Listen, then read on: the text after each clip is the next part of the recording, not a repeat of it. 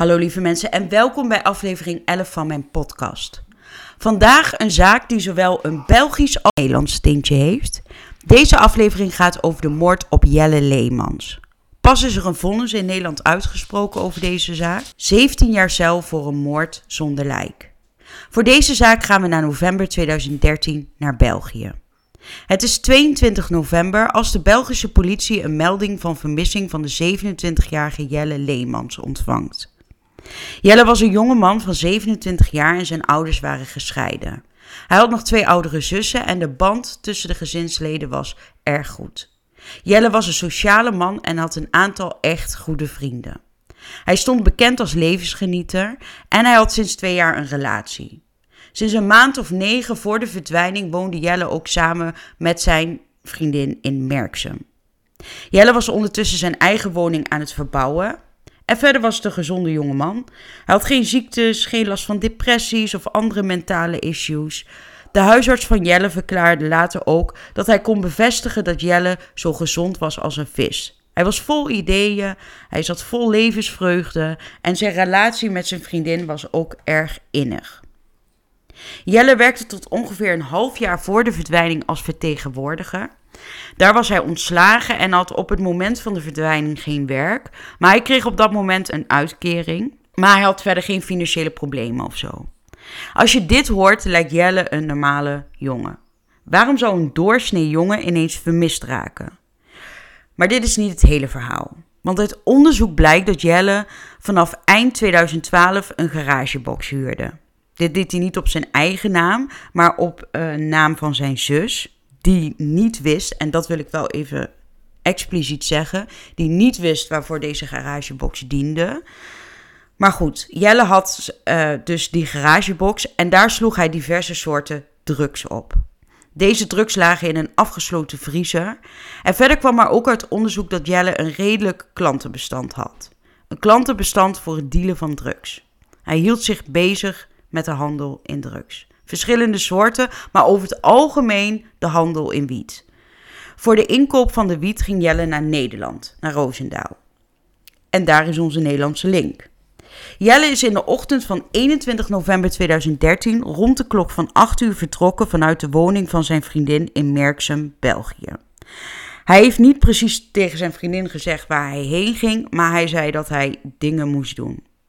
Jelle zei dat hij in de middag weer terug zou zijn, want hij zou samen met zijn vriendin naar een beurs gaan in Brussel. Vrienden, familie en zijn vriendin hebben Jelle na die ochtend nooit meer gezien of gehoord. De moeder van Jelle heeft in haar verklaring verteld dat Jelle nooit zomaar zijn familie, zijn vriendin, uh, zijn vrienden en zijn huis, die in verbouwing was, in de steek zou laten. Ook de zus van Jelle verklaart dat Jelle nooit zomaar zou vertrekken zonder enig contact. Als hij op vakantie zou gaan, dan zou hij dat zeggen. En um, ja, de vader van Jelle verklaart ook nog al zijn tijd, geld, motivatie, energie zit in de renovatie van dat huis. Dat zou hij nooit zomaar in de steek laten. Dat was echt zijn project. De politie had door al deze verklaringen al vrij snel door dat Jelle niet zomaar zou verdwijnen. De Belgische politie doet navraag bij luchthavens, maar er was geen vlucht waar Jelle op zat. En ook de telecomgegevens van Jelle geeft eigenlijk een verontrustend beeld. Na 21 november, de dag van zijn verdwijning, exact om 5 over 8, is zijn reguliere telefoon niet meer gebruikt. Jelle had nog een telefoon en deze is na 21 november, de dag van zijn verdwijning, na 9 uur 41 ook niet meer gebruikt. Vier dagen na zijn vermissing wordt de auto van Jelle teruggevonden. Deze wordt in Merksem teruggevonden en is onbeschadigd. Er wordt natuurlijk onderzoek gedaan in en rond de auto, maar daarover later meer. In de periode na de verdwijning van Jelle hebben zowel de Nederlandse opsporingsverzocht als de Belgische Farouk aandacht besteed aan de zaak. Ook de schrijvende pers heeft heel wat artikelen aan deze vermissing gewijd. We kunnen stellen op basis van deze informatie dat Jelle niet vrijwillig zou verdwijnen. Het feit dat Jelle naar een beurs zou gaan die middag met zijn vriendin, dat hij uh, nooit met zijn naaste contact heeft gezocht, dat zijn telefoon niet meer in de lucht waren, nou beide telefoons, nou dat was allemaal niets voor Jelle. Echter was er nog iets. Namelijk, de ochtend van de verdwijning zou Jelle een grote drugsdeal hebben. Deze zou hij sluiten met Brutus. Dat maakte een vrijwillige verdwijning nog onwaarschijnlijker. Want waarom zou Jelle eerst een grote hoeveelheid wiet willen kopen en dan vervolgens met de Noorderzon verdwijnen? In de garage die Jelle huurde lag bovendien ook nog een grote hoeveelheid drugs. Deze had, had een hoge straatwaarde, dus er lag een aanzienlijk bedrag in het verschiet. Dan ga je niet zomaar weg. Ik wil nogmaals zeggen, Jelle deelde drugs buiten medeweten van zijn familie. Zij waren niet op de hoogte van zijn ehm, activiteiten. Tijdens de rechtszaak, bijna tien jaar later, zegt de rechter ook dat deze dingen die ik net allemaal opnoemde, een grote aanwijzing was dat Jelle niet zomaar was verdwenen. Het huis was in de renovatie, want Jelle stopte al zijn tijd, geld en energie in dit project. Dat laat je niet zomaar in de steek. En volgens de rechter zijn er ook uit al die jaren media-aandacht nooit een tip gekomen dat Jelle ergens levend is gezien. Verder is uit onderzoek ook gekomen dat er geen enkele voorbereiding was voor een vrijwillige verdwijning vanuit Jelle. De rechter zegt verder, ruim negen jaar na zijn vermissing, dat het niet mogelijk is dat Jelle onvrijwillig is verdwenen en nog in leven is. Daar is echt geen enkele aanwijzing voor. Negen jaar na de verdwijning van Jelle oordeelt de rechter dus dat Jelle niet meer in leven is. Dat hij om het leven is gebracht. Maar goed, hoe is Jelle dan overleden? En zijn daar dan wel bewijzen voor? Want het lichaam is nog steeds niet gevonden. Dit jaar in november is het tien jaar geleden dat de 27-jarige Jelle spoorloos verdween. De politie heeft in de loop van de jaren natuurlijk meerdere zoekacties ondernomen naar het lichaam van Jelle. En ook de nabestaanden hebben er alles aan gedaan om hun geliefde Jelle terug te vinden. Zolang het lichaam van Jelle niet is gevonden, kan er natuurlijk ook geen medisch of forensisch onderzoek gedaan worden naar de oorzaak van de dood. Maar op basis van het dossier die in de loop van de jaren is opgebouwd, met alle aanwijzingen en sporen, kunnen wel mogelijke doodsoorzaken en scenario's worden aangedragen of eventueel worden uitgesloten. De eerste vraag is: is Jelle overleden door zelfmoord of door een natuurlijk overlijden? Maar voor zelfmoord zijn geen indicaties. Zoals ik al eerder in de aflevering vertelde, Jelle had nog zoveel plannen. Hij was totaal niet depressief of ergens dat hij iets heeft laten vallen dat hij zichzelf had aan wilde doen. Ook een natuurlijk overlijden kan worden uitgesloten, volgens de rechter. Uit gegevens van de huisarts blijkt dat Jelle geen ziektes had. Hij is al een aantal keer bij de huisarts geweest, maar dat was echt voor doorsnee klachten. Um, er was niks spannends aan. En niets wijst op dat Jelle onderliggende klachten of ziektes had. En nog een moeilijk ding in dit scenario van natuurlijk overlijden is natuurlijk het feit dat er nooit een lichaam is gevonden. In 99% van deze gevallen wordt een lichaam dan gevonden. Kan het een ongeval zijn? Nou, het feit dat de auto op 25 november onbeschadigd is teruggevonden, sluit bijvoorbeeld een dodelijk auto-ongeluk uit. En op dit punt zit je ook weer met een lichaam wat nooit is teruggevonden. Wat volgens de rechtbank dan ook overblijft, is dat Jelle door geweld om het leven is gekomen en dat het lichaam met opzet is weggemaakt om het onderzoek naar de sporen van het geweld onmogelijk te maken. Daarmee kan de rechtbank concluderen dat Jelle om het leven is gekomen door het handelen van een ander. Wat in het begin van het onderzoek al vrij snel aan het licht kwam, was dat Jelle in de ochtend van zijn verdwijning in Roosendaal een drugsdeal had een grote deel met Eduard Brutus F. En in deze aflevering ga ik hem gewoon Brutus noemen, want uh, zo wordt hij ook overal genoemd. De politie had al vrij snel in de smiezen dat Brutus wel eens iets met de moord te maken kan hebben. En in het najaar van 2014 wordt Brutus al een keer opgepakt. En dan zit hij al ruim 85 dagen in voorarrest. Maar daarna wordt hij weer naar huis gestuurd, want er was gewoon simpelweg niet genoeg bewijs. Maar na deze aanhouding kwamen er toch weer nieuwe aanwijzingen. Want na onderzoek aan de auto van Brutus bleek dat er bloed van Jelle in de auto van Brutus is gevonden. Je zou denken dat Brutus dan weer opnieuw opgepakt wordt, maar dit is niet zo. En dat is vrij bizar te noemen, want tot de rechtszaak dit jaar, bijna tien jaar na dato, is beslist bij de inhoudelijke zitting dat Brutus opnieuw opgepakt moest worden. Beide officieren van justitie noemden het bizar dat de verdachte van een levensdelict op vrije voeten is al die tijd. En een dag later wordt Brutus dan ook in hechtenis genomen. Ja, en dat is een bizarre omstandigheid natuurlijk in deze zaak. Ik bedoel, ze hebben hem al nou ja, laat zeggen, acht jaar in de smiezen met bewijs hè, dat er bloed is gevonden in de auto van uh, Brutus, bloed van Jelle. En ze laten hem gewoon lopen. Dat is zo bizar. Er moeten natuurlijk harde bewijzen zijn tegen Brutus om hem te kunnen veroordelen. En ik neem jullie even mee in de bewijzen die er liggen tegen de verdachte. We beginnen dan even bij de telecomgegevens van beide mannen, van Jelle en van Brutus. Uit de gegevens valt op te maken dat het eerste contact tussen Jelle en Brutus op 26 augustus 2013 was, ruim drie maanden voor de verdwijning van Jelle. In totaal vonden er tot 25 september 42 contacten plaats.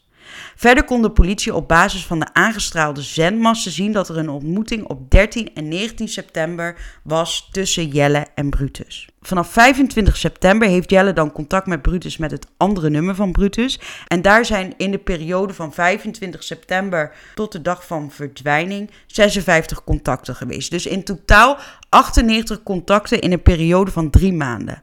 Op basis van de zendmasten en de verklaringen van Brutus is er op de dag van de verdwijning op 21 november 2013 een ontmoeting tussen beiden geweest. Een getuige verklaart over de drugshandel van Jelle dat hij het groot aanpakte. Hij handelde in kilo's wiet. Hij bevoorraadde zich in het Nederlandse Roosendaal. En Jelle vertelde aan deze getuigen dat het goede Nederlanders waren. Er waren twee oudere mannen die samen een bedrijfje hadden. De man die de deals deed was een kale, stoere man. Hij nam ook het geld aan en overhandigde de drugs. En als Jelle naar Roosendaal ging, ging hij altijd gekleed in pak. Dit deed hij om ouder te doen lijken. Jelle ging om de twee weken naar Roosendaal. Soms had er wel eens een maandje tussen, maar over het algemeen om de twee, drie weken. En hij nam dan de binnenwegen tot aan de grens en daar parkeerde hij zijn auto. En hij werd dan weer opgehaald door Brutus of zijn compagnon. En het geld bewaarde Jelle in de garage, in de vriezer die hij, ja, die garage die hij huurde. Brutus heeft hierover verklaard dat hij Jelle ongeveer anderhalf jaar kende. Een keer of 15 uh, deals met hem heeft gemaakt. Een dag voor de verdwijning op 20 november 2013 is er sms-contact geweest tussen uh, Brutus en Jelle. Ook later op de dag is er nog contact geweest tussen beiden. Op de dag van de verdwijning is natuurlijk gekend dat Jelle die deal ging sluiten met Brutus. Maar Jelle ging meer wiet halen dan gebruikelijk. Dit omdat de feestdagen eraan kwamen. En rond 8 uur is Jelle dus uit Merksem vertrokken. Drie minuten later heeft Jelle nog een sms naar Brutus gestuurd. Eerst is Jelle naar de garage gereden om daar geld voor de 10 kilo deal te halen. In dit verhaal komt er ook een medeverdachte naar voren. Hij is nooit berecht voor de zaak, daarom hou ik het ook bij medeverdachte. Deze medeverdachte heeft op de dag van de verdwijning een vrije dag genomen en dat deed hij nooit. Um, deze ochtend is medeverdachte om vier minuten voor acht door Brutus gebeld. Hij heeft toen, uh, die medeverdachte heeft een auto gehuurd, een Peugeot Partner. Maar deze huurauto's hebben natuurlijk een track and trace. Dit in combinatie met de telefoongegevens van de medeverdachte kon worden gecheckt waar hij ongeveer de hele dag heeft uitgehangen. De ochtend van de verdwijning hebben Jelle en Brutus nog twee keer telefonisch contact gehad. Om tien voor half negen en om zes minuten over half negen. En te zien was dat Jelle onderweg was richting Nederland. Ook is te zien dat Brutus en de medeverdachte samen waren. Een uur later, rond de klok van half tien, sms'en Brutus en Jelle nog wat heen en weer. Er is ook weer gebeld. En de laatste activiteit op de telefoon van Jelle was om vier minuten voor tien. Jelle was toen in de omgeving Roosendaal-Essen. Brutus verklaart uh, over deze ontmoeting dat hij Jelle inderdaad heeft gezien die ochtend. Dit zou rond de klok van half tien zijn geweest en ze hebben een drugsdeal gesloten en volgens Brutus was Jelle met zijn Audi op die afspraak verschenen. Uit GPS-gegevens van de gehuurde Peugeot blijkt dat de auto op 21 november tweemaal bij de kruising Antwerpse baan Nederheidse baan is geweest. Dat ligt in Schijf, België. De eerste keer was om drie minuten voor half elf ochtends. De auto met de medeverdachte is toen op en neer vanuit Roosendaal gereden zonder de motor af te zetten. En de tweede keer was om zes minuten voor half twee. En daar heeft hij toen 2,5 uur stilgestaan. En dit is aan de rand van een bos bij een parkeerplaats. Brutus heeft verklaard dat inderdaad de deal heeft plaatsgevonden op de achterste parkeerplaats van de Rukfunse bossen. De Peugeot is om 9 minuten over half 11 richting Antwerpen gereden. Daar is de medeverdachte naar de Campinastraat gereden. Hier is hij ongeveer om kwart voor twaalf. En na slechts één minuut is de auto weer vertrokken richting Roosendaal. Vier dagen later, op 25 november 2013, wordt aan deze Campinastraat de Audi van Jelle Leemans gevonden. De auto zat niet op slot en de sleutels lagen in het middenconsole. Een getuige heeft verklaard dat de auto op 21 november door een man op die plek is neergezet. De getuige woonde vlak op de plek waar die Audi is gevonden. De man die uit de auto stapte had volgens de getuige een vest met capuchon aan. Dit was Jelle niet, want volgens zijn vriendin had Jelle zeker geen kleren wat omschreven werd uh, mee die dag of aan die dag. Toen de auto van Jelle gevonden is en uh, er onderzoek is gedaan naar de ANPR-camera's, dit zijn verkeerscamera's, is te zien op beelden dat de zwarte Audi van Jelle gezien wordt. En dat de auto gevolgd werd door, jawel, een zwarte Peugeot Partner. De gehuurde auto van medeverdachten. Wat ook opvallend was aan de beelden is dat de zonnekleppen naar beneden waren van beide auto's. Terwijl het op deze dag zwaar bewolkt was. Die zonnekleppen werden naar beneden gedaan om natuurlijk niet herkend te worden door de camera's of door flitsers of dat soort dingen. De vriendin van Jelle heeft verklaard dat de Audi van Jelle op 19 november compleet is gereinigd. Dit is enkele dagen voor de verdwijning. Op zich is dat voor het onderzoek goed. Zo is er veel minder kans op oude sporen in de auto. Er is ook DNA-onderzoek gedaan uh, in de auto van Jelle. Op de versnellingspook is er een mengprofiel gevonden. En dit profiel bestaat uit het DNA van Jelle en Brutus. En er is ook een mengprofiel van Jelle en Brutus gevonden op de gordel aan de bestuurszijde van de auto van Jelle. En dan is er ook nog een andere auto, namelijk een Seat Altea. Brutus heeft verklaard dat hij rond die tijd van de vermissing gebruik maakte van deze auto. Ook de ex-vriendin van Brutus verklaart dat hij de Seat geregeld gebruikte. Uh, deze Seat stond op de naam van de ex-vriendin van Brutus. Deze auto werd in beslag genomen voor onderzoek en met luminol werd er gezocht naar bloedsporen. En de onderzoekers hadden prijs. In de stiknaad van de bekleding aan de linkerzijde van de rechte zitplaats van de achterbank lichten bloedsporen op. Bij verder onderzoek werd duidelijk dat het bloed afkomstig was van Jelle. Dit was een duidelijk daderspoor volgens het dossier. Dan zijn er nog zogenaamde OVC-gesprekken. Deze zijn in een sportschool in Roosendaal opgenomen. Deze gesprekken zijn opgenomen in de periode van 11 september tot 11 december 2014. De gesprekken die zijn opgenomen zijn van de eigenaresse van de sportschool. Kennelijk is er een politieagent bij de sportschool geweest om navraag te doen over de verdwijning. En in de afgeluisterde gesprekken zegt de eigenaar van de sportschool tegen een onbekende vrouw over de rib waar 100.000 euro mee gemoeid ging. Ze had het over het slachtoffer, dat het een jonge gast was die altijd gekleed was in een blouse en een colbert. Tegen een onbekende man zegt ze een dag of vier later dat Jelle iemand uit België was. Uh, dat hij hier in de buurt wiet wilde halen, dus in de buurt van Roosendaal. En dat hij 50 of 100.000 euro bij zich had en dat ze hem gewoon geript hebben. Dit zou zij gehoord hebben. Een andere getuige verklaart ook dat Brutus met nog iemand Jelle geript zou hebben. Ze hebben het geld onderling verdeeld. Dit zou ze van Brutus hebben gehoord. John Wassink had een autohandel in Roosendaal. Brutus was hier werkzaam en op 11 september 2014 belde John zijn moeder. Dit gesprek werd getapt door de politie en in dit gesprek vertelt John dat Jelle is doodgeschoten door Brutus en dat dit te maken had met drugs. Brutus had met Jelle afgesproken om een deal te maken. Hij heeft het geld afgepakt en Jelle doodgeschoten. En zo zijn er nog veel meer verklaringen van getuigen die min of meer dit verhaal, de context van de moord, bevestigen. Die hebben gehoord van Brutus of mensen die het van Brutus gehoord hebben um, en dit tegen getuigen hebben verteld. De bewijzen stapelen zich op tegen Brutus. Hij wordt dan ook vastgezet eindelijk, na bijna tien jaar. Maar tijdens de rechtszaak heeft de advocaat van Brutus ook een alternatief scenario aangedragen. Onder andere dat Jelle na de ontmoeting van Brutus mogelijk nog een andere drugsdeal zou gaan sluiten, omdat Brutus niet de gehele 10 kilo wiet kon leveren. Jelle had wel namelijk 10 kilo besteld.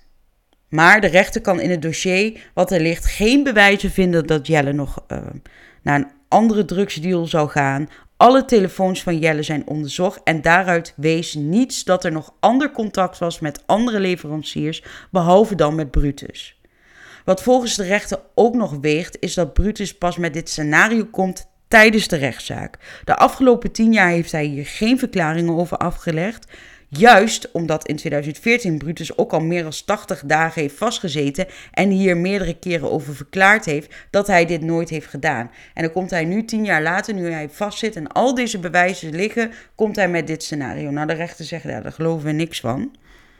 Natuurlijk heeft het OM onderzoek gedaan of Brutus in andere scenario's hè, niet betrokken zou zijn bij de dood van Jelle. Dat, dat er andere dingen zijn gebeurd. Maar alles wijst direct en indirect op het feit dat Brutus verantwoordelijk is voor de dood van de 27-jarige Jelle Leemans. En ook dat hij na de hand het lichaam van Jelle heeft weggemaakt, waarna het lichaam van Jelle nooit meer is gevonden. De rechter vindt dat Brutus zich schuldig heeft gemaakt aan gekwalificeerde doodslag. Daarnaast heeft Brutus het lichaam van Jelle weggemaakt. En verder wordt Brutus ook nog veroordeeld voor uh, verboden wapenbezit. En het Openbaar Ministerie eist 15 jaar. De rechtbank veroordeelt Brutus tot een gevangenis van 17 jaar, twee jaar hoger dan geëist. De eis is hoger omdat de rechter vindt dat 15 jaar cel geen recht doet aan het verdriet van de nabestaanden en de gepleegde feiten. Waar de rechter op doelt is dat het lichaam van Jelle nooit is gevonden. Daarom zullen de nabestaanden ook nooit exact weten wat er is gebeurd met Jelle. En dat vindt de rechter zwaar tellen. Dit was de zaak voor deze week. Voor extra beeldmateriaal kun je een kijkje nemen op mijn Instagram, Moord in de Lage Landen. Bedankt voor het luisteren en tot volgende week, lieve mensen.